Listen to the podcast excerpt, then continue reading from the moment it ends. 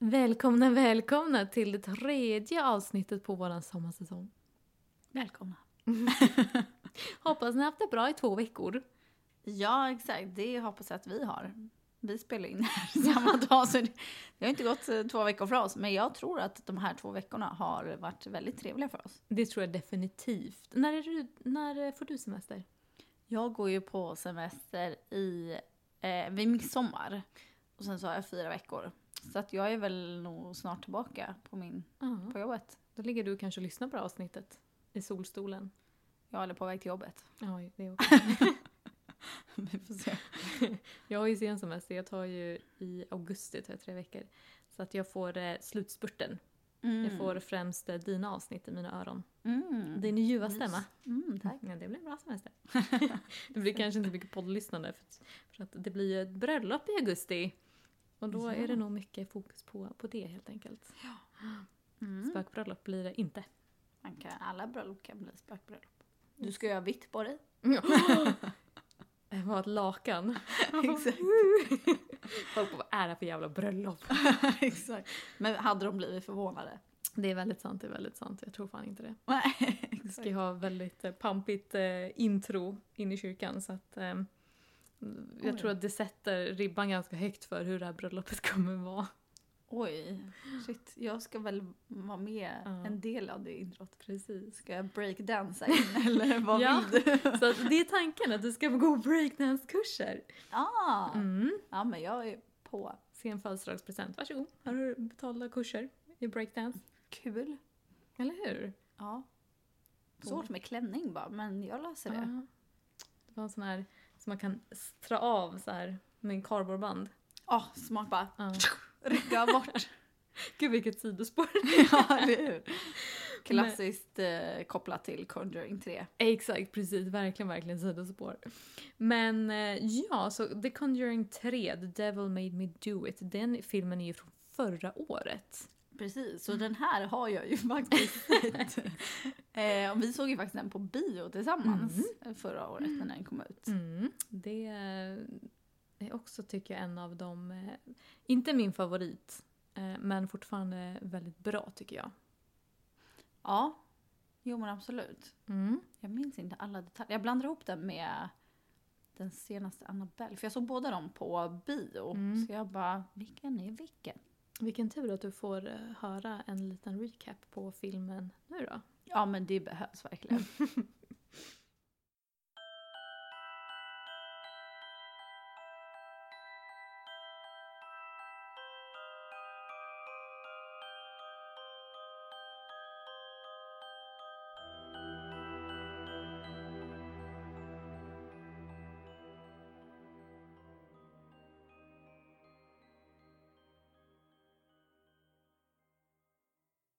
Filmen börjar år 1981 med att Ed och Lorraine Warren utför en exorcism på den åttaåriga pojken David Glatzel. Hans syster Debbie, hennes pojkvän Arnie Johnson och fader Gordon är på plats och bevittnar det här då. Under exorcismen så uppmanar Arnie demonen att gå in i hans kropp istället för Davids. Och Ed ser då hur demonen tar sig från Davids kropp in i Arnis. men Ed han får en hjärtattack och förs till sjukhus där han faller i koma. Följande månad så vaknar Ed upp på sjukhuset och först då kan han förklara för Lorraine att han såg hur demonen gick in i Arnis kropp istället. Arnie och hans flickvän Debbie de bor i en lägenhet som är ovanför en kennel där Debbie arbetar. Arnie börjar känna sig dålig och i ett förvirrat tillstånd så mördar han sin hyresvärd Bruno genom att knivhugga honom 22 gånger.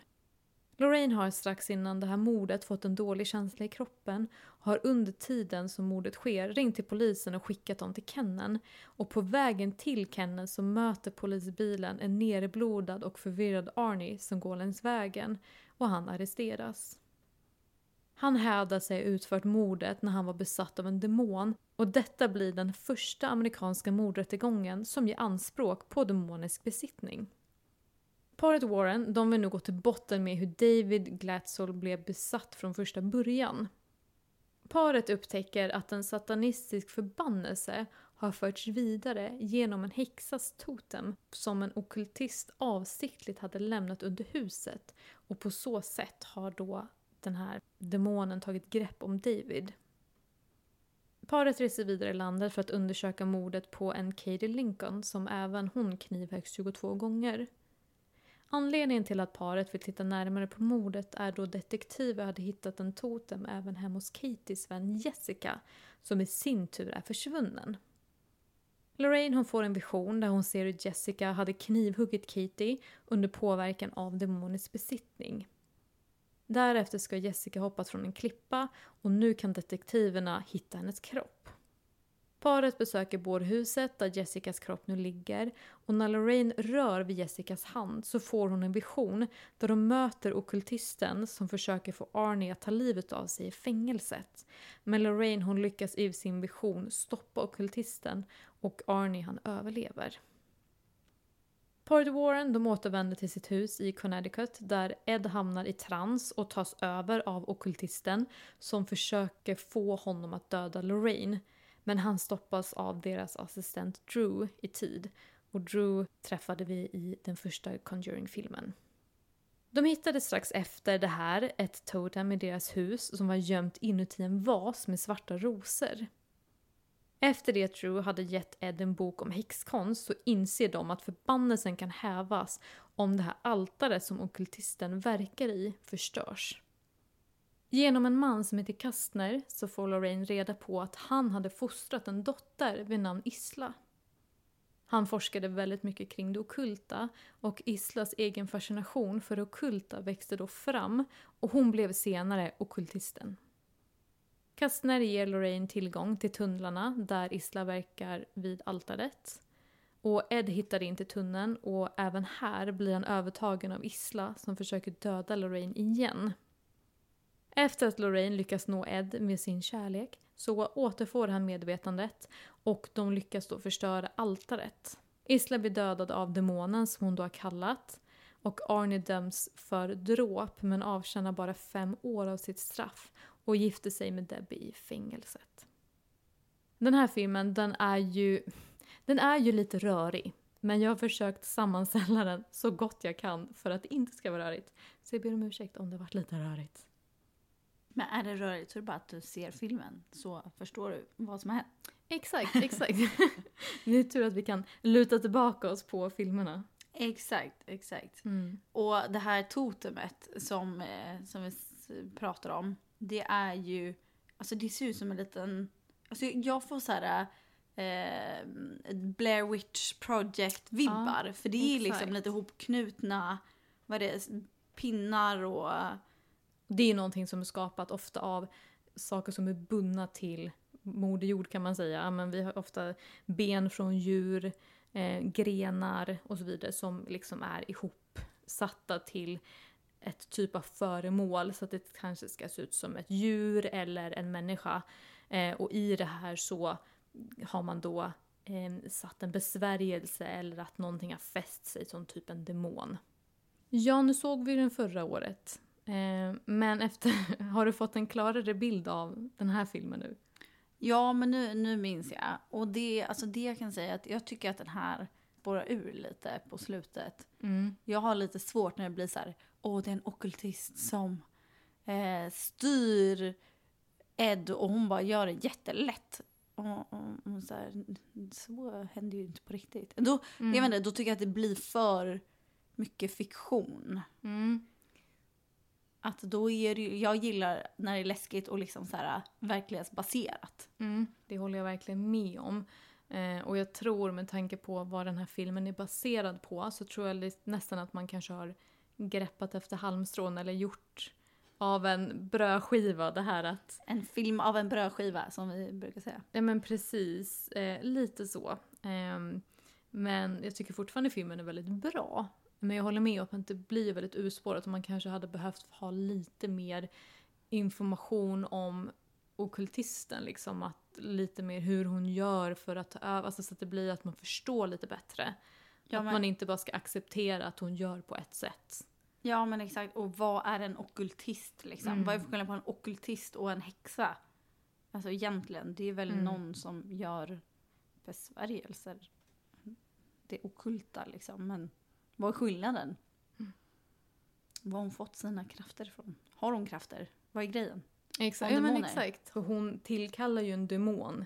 Och det är väl genom de här okulta föremålen som hon som gör att hon kan tillkalla den här demonen. Men som ni hör på oss, det är liksom till och med vi har svårt att greppa till 100 procent. Vilket Mm. gör att det blir lite svårt att återberätta så att ni förstår.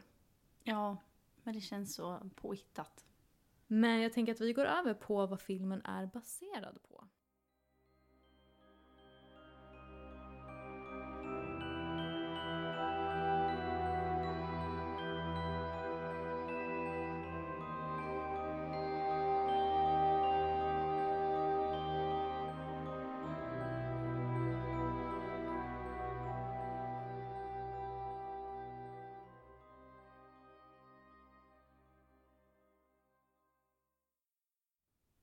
Arne Johnson och Debbie Glatzel de berättar i Discovery Channels serie A Haunting, avsnitt Where Demons Dwell, att den paranormala aktiviteten började efter det att de skulle städa upp i ett hus som familjen precis hade hyrt.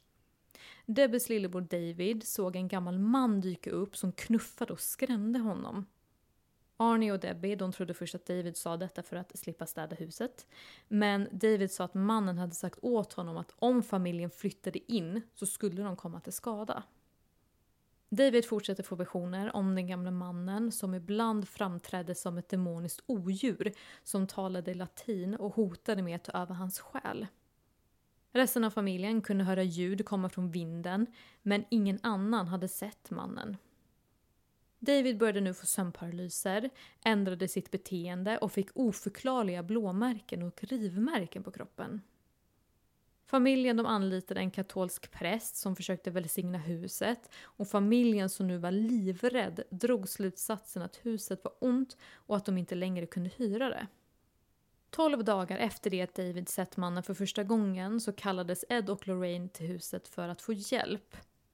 Lorraine ska ha sett en svart dimma bredvid David som hon uppger var en indikation på en ond närvaro. Debbie och hennes mamma berättade för paret Warren att de hade sett David bli slagen och kvävd av osynliga händer och att röda märken hade dykt upp på hans hals efteråt. David kunde även börja morra och fräsa och tala i främmande röster och citera stycken från Bibeln eller Paradise Lost som är en diktsamling från 1600-talet. David han genomgick tre mindre exorcismer och Lorraine har uppgett att David både svävade och slutade andas av och till. Under en pågående exorcism så äggade Arnie en av demonerna att ta över honom istället. Efter exorcismen, där Arnie bett demonen ta över honom istället, så började även han förändras. Han kunde stå i fönstret och titta ut och säga “Där är han! Där är besten! Där är han!” för att sedan börja morra som ett djur. Debbie behövde ofta örfila honom två gånger för att han skulle vakna till och liksom komma tillbaka. Och han kunde även vakna under nätterna för att gå upp och ha sönder massa möbler. När de hade besökt kyrkan vid ett tillfälle ska han ha fått panik och skrikit att han ville därifrån. Han ska även ha attackerats av demonen när han körde bil, vilket resulterade i att han tappade kontroll över bilen och körde in i ett träd. Efter denna incident så återvände Arnie till huset för att undersöka en gammal brunn där demonen ska hålla sig vid. Vid brunnen ska han ha fått ögonkontakt med demonen och ska därefter ha blivit besatt. Davids tillstånd det förvärrades vilket gjorde att Arnie och Debbie beslöt sig för att flytta till ett eget boende. Debbie fick en anställning som en hundtrimmare av Alan Bono och paret hyrde en lägenhet av Alan i närheten av kenneln. Efter att de flyttade in så började Arnie uppvisa ett konstigt beteende som var väldigt likt Davids. Och enligt Debbie så kunde Arnie falla in i något transliknande tillstånd där han började morra och kunde hallucinera för att sedan inte ha något minne av det. Den 16 februari 1981 så blev Arnie sjukskriven från sitt jobb och en dag så umgicks han på Debbies jobb tillsammans med Debbie, hennes syster Wanda och deras nioåriga kusin Mary. Och alla, inklusive hyresvärden och arbetsgivaren Alan då, de åt lunch på en lokal bar Och Alan konsumerade väldigt mycket alkohol, vilket inte var ovanligt. Men Alan och Arnie var på god fot och de kallade varandra för vänner. Arnie och Alan brukade även umgås privat och ska ha haft en vänskap. Efter lunch återvände gruppen till Kennen och senare på kvällen så tog Debbie med sin syster och kusin för att köpa pizza. När de kom tillbaka så blev den väldigt berusade Alan upprörd. Och Alan greppade tag om Mary och vägrade släppa taget varpå Arnie bad honom att släppa Mary. Debbie försökte gå emellan killarna och försökte även dra bort Arnie från platsen men han morrade som ett djur och tog därefter upp en 13 cm lång fickkniv och högg Alan upprepade gånger och han dog flera timmar senare. Arnie han flydde platsen och hittades ungefär 3 kilometer från Kennen. Debbie säger också att hon samma dag hade hört två röster komma från Arnie samtidigt, som om två röster pratade i mun på varandra. Dagen efter mordet så berättade Lorraine för polisen att Arnie var besatt när brottet begicks, varpå en mediestorm omgav det här fallet. Martin Menella, som var Arnies advokat, han reste till England för att träffa advokater som var inblandade i två liknande fall och han planerade även att ta in exorcismspecialister från Europa samt hotade att stämma de präster som hade utfört exorcismen på David om de inte samarbetade med försvaret. Rättegången den ägde rum i Connecticut med start den 28 oktober 1981. Advokaten försökte lämna in en plädering om att Arnie var oskyldig för mord, vilket domaren avvisade. Domaren hävdade att det försvaret inte skulle vara möjligt på grund av bristande bevis, varpå de ändrade till att Arnie agerat i självförsvar. Ed och Lorraine var väldigt tydliga med sin tro på att Arnie var besatt av en demon vid tiden för mordet. Lorraine har även sagt att hon visste att det här fallet skulle sluta i katastrof men att Arnie var den sista personen de trodde skulle hamna i den här situationen. Han har aldrig tidigare varit våldsam och inte ens bekant hos polisen. Arnies familj och paret Warren trodde inte att det här mordet var orsakat av ett vanligt gräl, men resultatet av den demoniska besittningen som Arnie brottats med de senaste månaderna. Juryn diskuterade i 15 timmar under tre dagar innan beslutet kom den 24 november 1981 då Arnie dömdes för dråp. Han avtjänade enbart fem av sina 10 till 20 år på grund av gott uppförande och han hävdar fortfarande att han begick mordet under en demonisk besittning. Alltså jag tycker själva mordet har de ju verkligen ändrat om. För här låter det ju mycket mer som att så här, ja, men de var flera personer, han eh, skulle mm, försvara kusinen. Medan i filmen då är det ju bara ja, men precis förvirring och att han tror att han är någon annan eller att han attackerar honom eller vad det är. Men eh, det här känns ju snarare som att han blir lite provocerad. Eller liksom han försöker ju försvara kusinen det låter det som. Även om det är konstigt att han går runt och morrar. Men det, ja, det kanske är någon så psykisk sjukdom i botten. Mm. Men man hade ju också velat veta varför han var sjukskriven. Ja, det var väl för att han var så pass instabil. Och är det på grund av demoner eller på grund av typ odiagnoserad schizofreni? Ja, för det som är intressant är ju först att det är David, alltså lillkillen liksom, som först uppvisar det här. Och sen så börjar även Arnie göra samma sak efter en exorcism.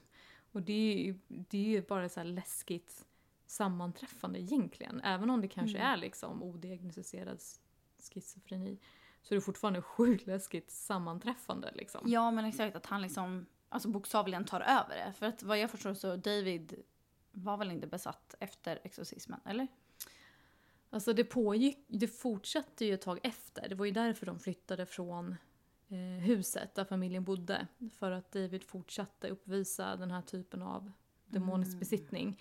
Men sen så hittar jag ingen mer information om att det liksom slutade. Men det antar jag att det gjorde. Med liksom att det blev bättre med, med tiden. Mm. Men man vet liksom inte när det tog slut och hur. Nej, just eftersom de två inte var släkt så kan det inte vara något så här genetiskt. Nej. Um, jag är tillbaka, vad är det i vattnet? Psykosvatten. Vad är det i brunnen? Ja men exakt. Lite, lite svampar som växer i vattnet. exakt så. Man vet aldrig. Nej precis. Ja och det är också lite så här när hans advokat reser till England för att liksom prata ihop sig med andra advokater som har haft liknande fall. Det tycker jag är intressant just att det finns flera liknande rättsfall. Att det är liksom att demonisk besittning eller så. Mm. Det, det är väldigt fascinerande. Ja men verkligen. Men han verkar ju lite skum där när han typ hotade prästerna och... Mm. Bara om ni inte samarbetar med mig.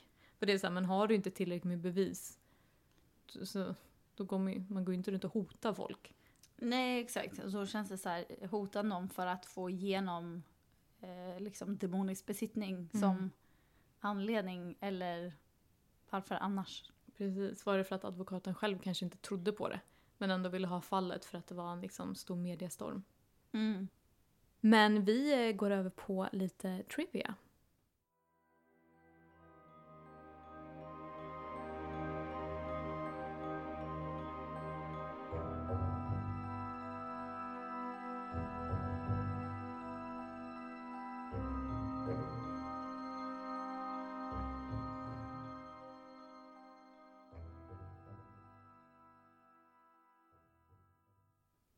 Såklart så har Vera Farmiga, som spelar Lorraine, upplevt saker även denna gång.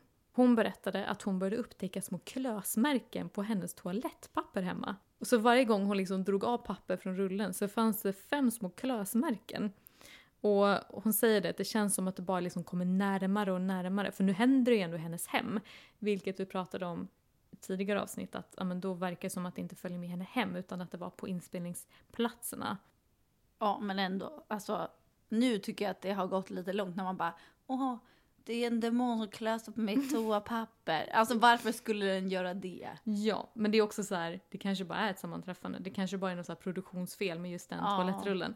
Men det är ju fan, jag kan förstå att det blir lite creepy när det är så här, hade jag hemma sett fem små klösmärken? Alltså du hade också dragit den kopplingen, alltså 100 procent. Nej men jag kanske hade varit lite så här. Det var ju lite märkligt, jag kanske inte hade tänkt att det var en demon. Men hade det hänt andra grejer som lett upp liksom till det här, då kanske jag hade tyckt att det var lite mer obehagligt än vad det var. Liksom. Hon, man ser i intervjun, hon känner sig ju dum när hon säger det. Och han som spelar Ed, han eh, typ skrattar bara åt henne. Och hon bara, men jag kan visa dig den här toalettrullen om du vill. Och han bara, nej det behövs inte.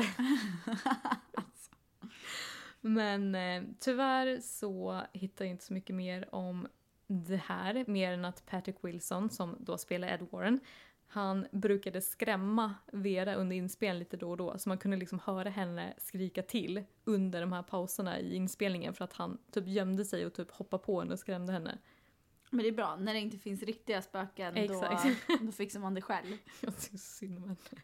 Ja. Men det ska tydligen ha hänt lite övernaturliga saker i rättssalen under den här rättegången.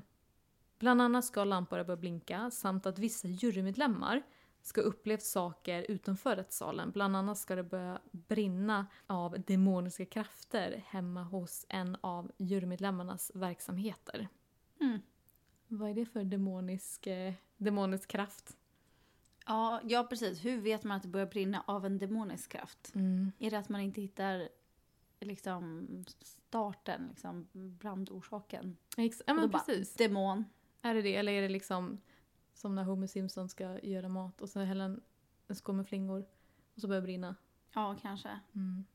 Det är liksom så jag tänker, att det bara börjar från ingenstans. Det är som så här, han är så dålig på att laga mat att det börjar brinna. Fast de här är så, här, så hemsökta att det börjar brinna Mm. av att de går hem.